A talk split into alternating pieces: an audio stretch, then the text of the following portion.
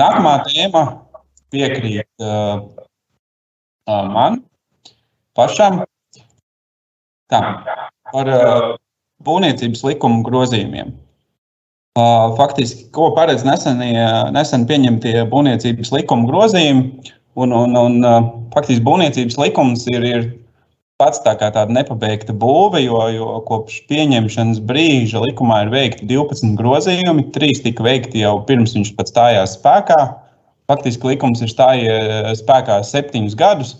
Nu, tad tas vidējais uh, ir, ir vairāk kā viena grozījuma gadā regulējumā. Tātad ļoti plūstošs un, un mainīgs regulējums visu laiku tiek veikts, veikt uzlabojumi. Šodien mēs runāsim par tiem grozījumiem, uh, kas stājās spēkā 19. maijā šogad un tie pat nav pēdējie likuma grozījumi. Pēdējie ir septembrī, tie bija vairāk tehniski, nav tik būtiski. Šie ir daudz būtiskāki. Pirms mēs sākam. Pirms mēs sākam par, par konkrētiem grozījumiem, es gribēju ātri pareklamēt vienu citu konferenci, kas notika 17. novembrī pagājušajā nedēļā, ko organizēja Lietuvas Viļņas Romeris Universitāte, proti, kur bija sapulcināti vairāku valstu nozares eksperti, un kur tika apskatīti būvniecības regulējumi dažādās valstīs. Faktiski ļoti konspektīvā, kvalitatīvā veidā tika iztirzāti daudz regulējumu. Un tā kā ja kādam interesē, kādas ir atšķirības Baltijas regulējumā, kādas, piemēram, vai kādas Latvijas regulējuma atšķirības ar Skandināvijas, ļoti iesaku veltīt laiku šai konferencē. Viņi ir pieejami YouTube, ievadot uh, konferences nosaukumu Building Laws and Code in Europe. Jūs redzēsiet, uh, faktiski pirmais video. Un, un, un uh, viena no Latvijas ekspertiem bija mana kolēģa Liela Glaviņa. Tā kā ļoti iesakāms materiāls. Bet, nu, pielietas. Tātad, kā minēju, grozījumi ir pietiekami apjomīgi. Visus laika ierobežojumu dēļ neapskatīsim. Apskatīsim tos, kas mums šķiet būtiskākie un ar kuriem mēs esam uh, praksē jau saskārušies. Daudz grozījumu bija tehniskas dabas, daudz bija terminoloģiski uzlabojumi, um, vai arī, piemēram, turpmāk, ja nemaldos, no nākamā gada jūlija termiņi, kuros tiks izsniegts būvļaujus un citi būvniecības procesā pieņemamie lēmumi, tie tiks noteikti speciālos būvnoteikumos, nevis kā likumā, kā tagad, tāda, tāda vairāk tehniski, tā, teiksim, normatīvu aktu sakārtošanas uh, mērķim veltīti grozījumi. Bet ir arī būtiskāki, un, un, un viens no tiem ir attiecībā uz būvvaldes kompetenci. Faktiski, lai kliedētu teiksim, pastāvošos mītus par būvvaldes kompetencēm, likumdevējs tagad ir centies viņus diezgan konsolidēt. Faktiski pasakot, kāda ir būvvaldes kompetence katrā būvniecības stadijā, tātad projektēšanas stadijā Būvvalde vērtē pārbaudu projektā ietverto risinājumu atbilstību normatīvu aktu prasībām, ņemot vērā likumā tagad noteikto kompetenci attiecībā uz būvniecības principu un tehniskajām prasībām, ko mēs mazliet vēlāk apskatīsim. Būvniecībā, būvdarba laikā tātad joprojām diezgan plaša kompetence, pārbaudīt patvaļīgu būvniecību, speciālajos noteikumos noteiktās dokumentācijas esamību, būvdarba atbilstību projektam un tā tālāk. Un pie pieņemšanas eksploatācijā, um, pie pieņemšanas eksploatācijā tad pārbaudīt, vai ir saņemti nepieciešami atzinumi, izpildīt būtļaujas nosacījumu. Tas būtiskākais attiecībā uz būvvaldes kompetenci, man liekas, tieši uz projektēšanas stadiju, kur ir konkrēti pateikts, ka būvvaldes kompetencē ir pārbaudīt un kontrolēt šādu būvniecības principa, vienu principu un tehnisko prasību ievērošanu. Un tas viens princips ir arhi, arhitektoniskās kvalitātes princips, cik tālu tas attiecas uz būvniecības iekļaušanos ainavā un pilsētvidē.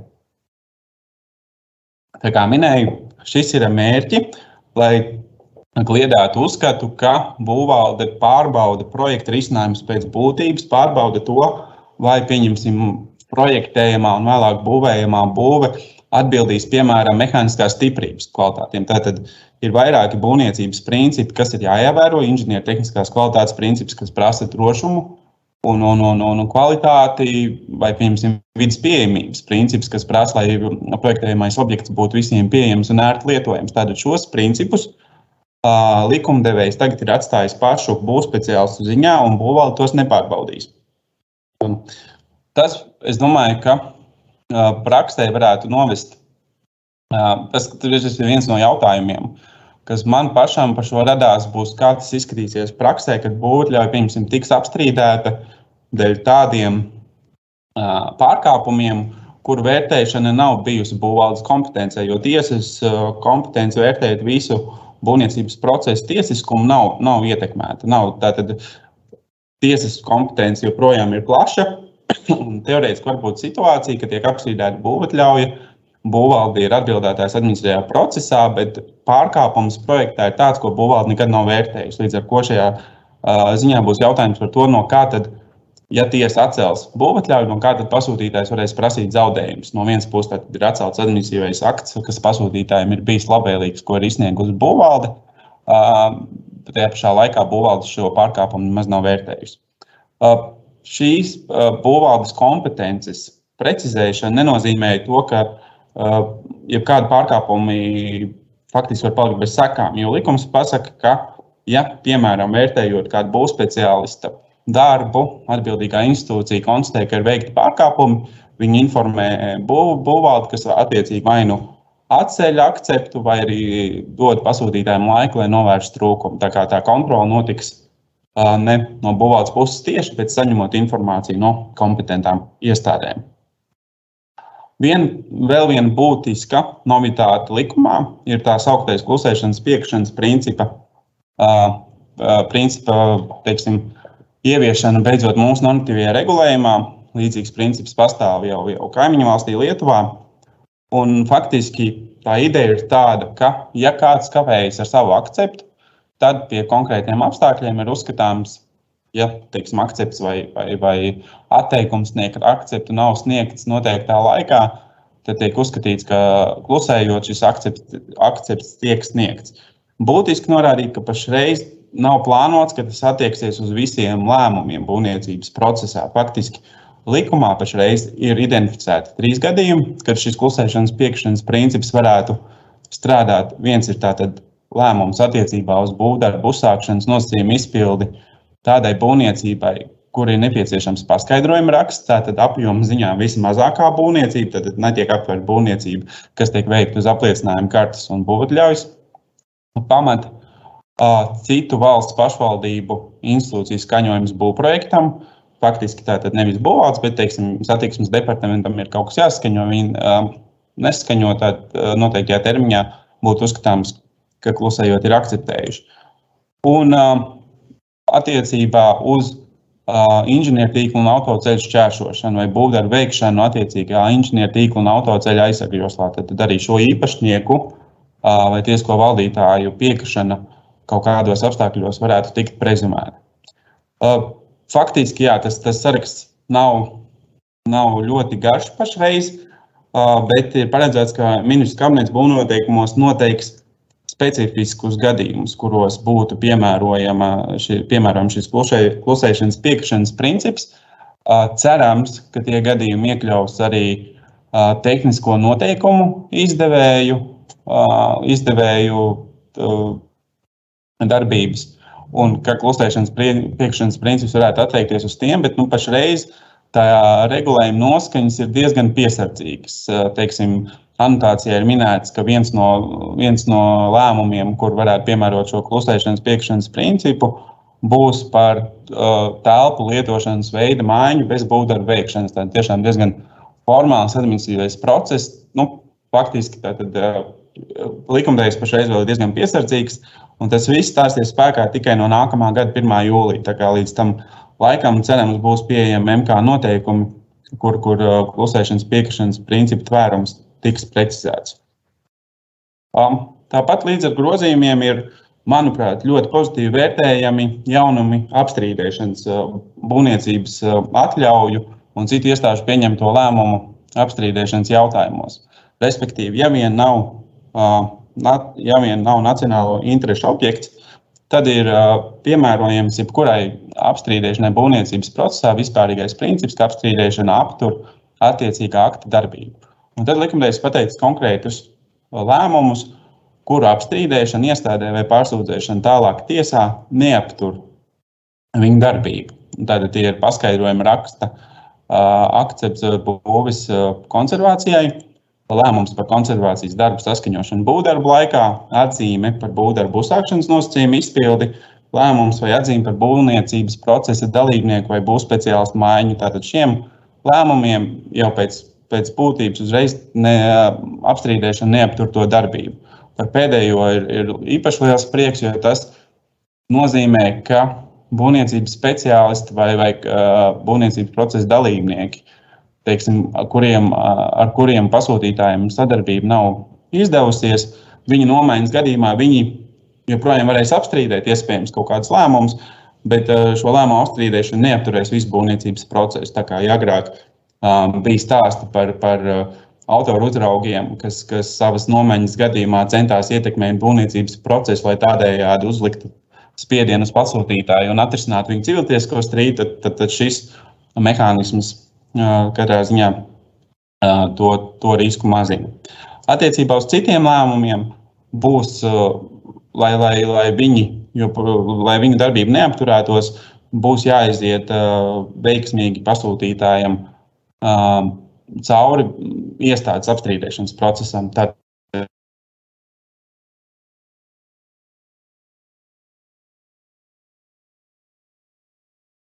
noraida vai atstāja bez izskatīšanas apstrīdēšanas iesniegumu, tad tālāka pārsūdzēšana vairs neapturēs to darbību. Tad sākumā tā darbība tiek apturēta, un, un, un tiklīdz ir augstākas iestādes lēmums, kas ir pozitīvs pasūtītājiem, attīstītājiem, tad tālāk vēršanās tiesā no trešās personas puses um, šo lēmumu darbību neapturēs.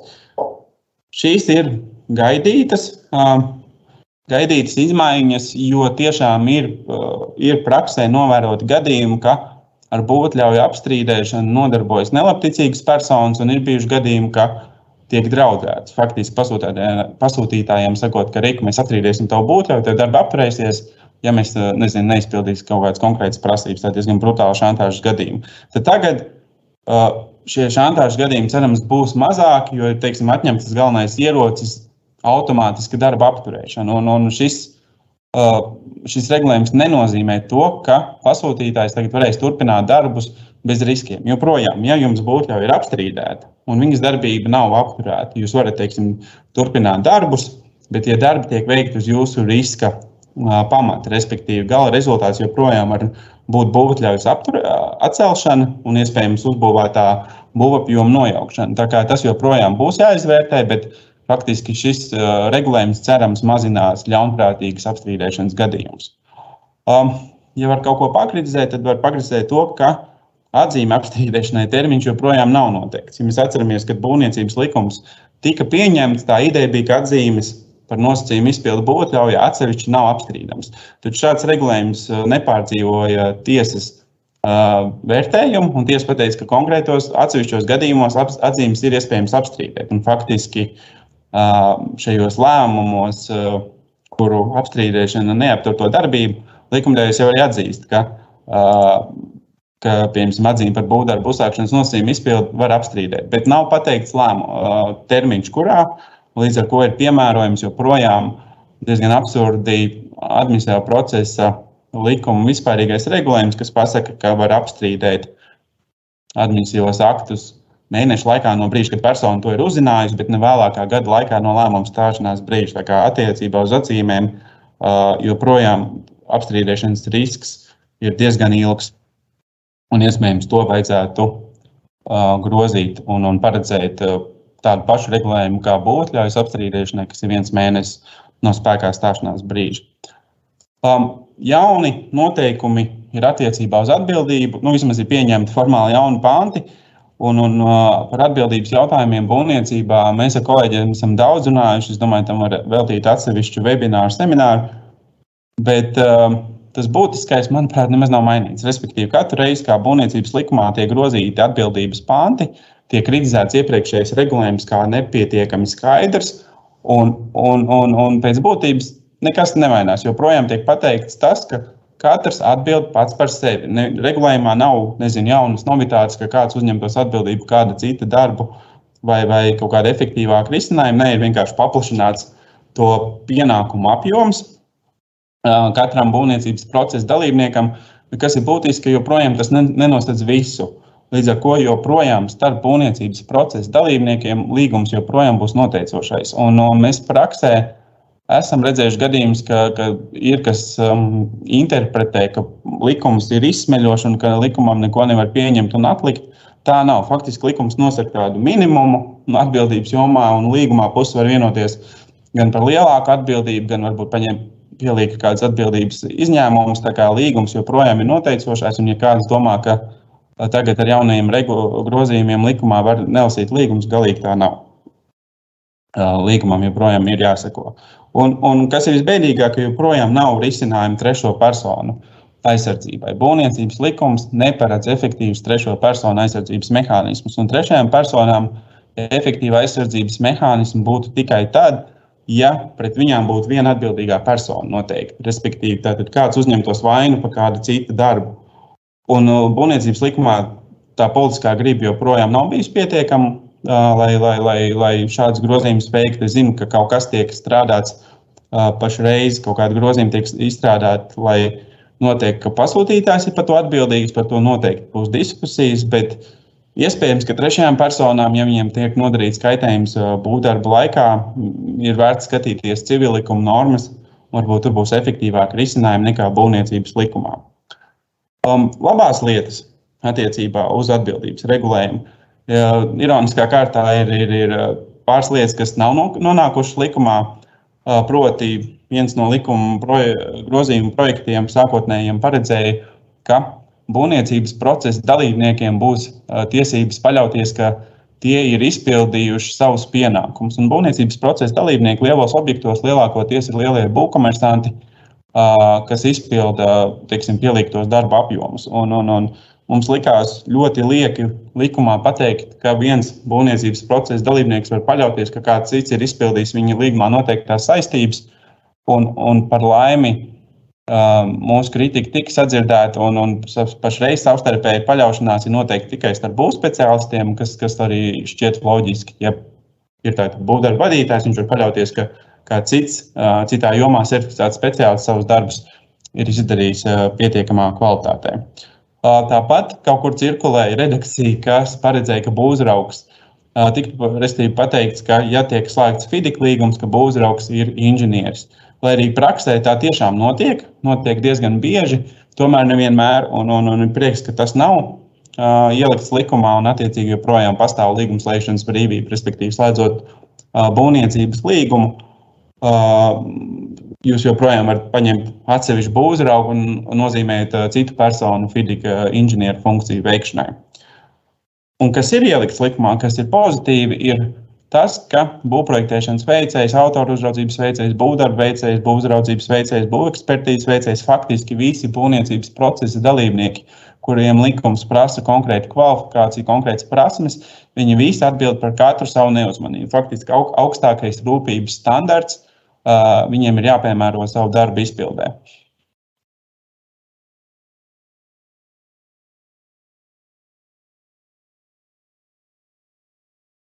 Grozījumiem būvniecības likumā.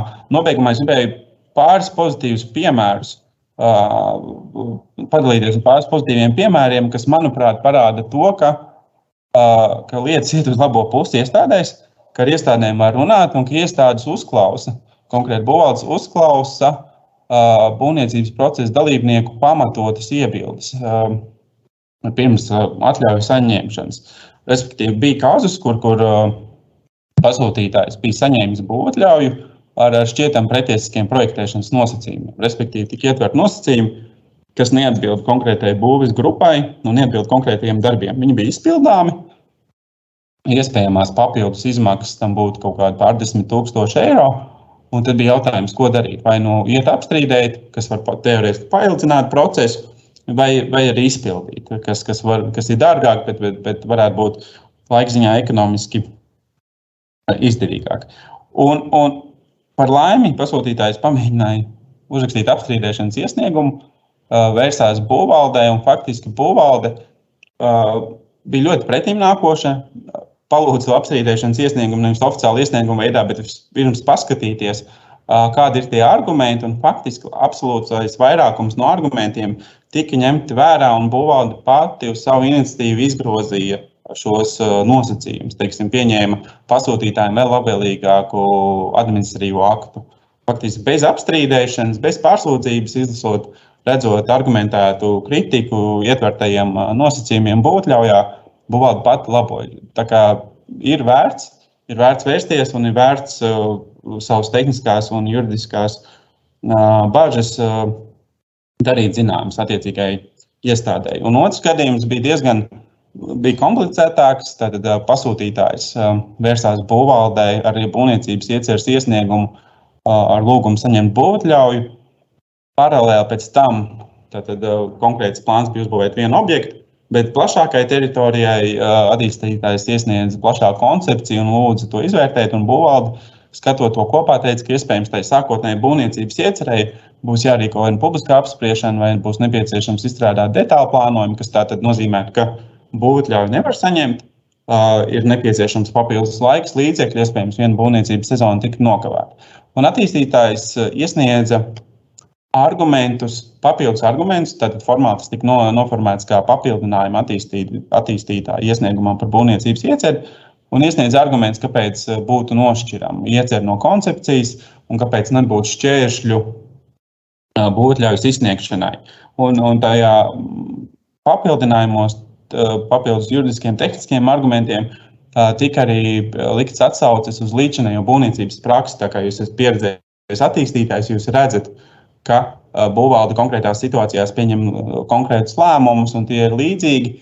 Arī tiesu praksa pieļauj atsaukties uz šādu būvniecības praksi pašā iestādē, lai, lai pamatotu savu tiesisko paļāvību. Un, un būvvalde tiešām ņēma vērā un, un pieņemot lēmumu par būvļaujas izsniegšanu, pat norādīja to papildus iesniegtos paskaidrojumus, kā pamatojumu, kāpēc būvotļauja tiek izsniegta. Tā kā uh, es gribu pabeigt tādas pozitīvas nots, ir vērts runāt ar iestādēm, ir vērts ar viņām nosacīt strīdēties pirms, pirms tiesas.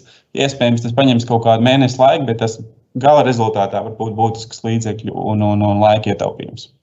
Tā kā, paldies, tas ir viss no manas puses.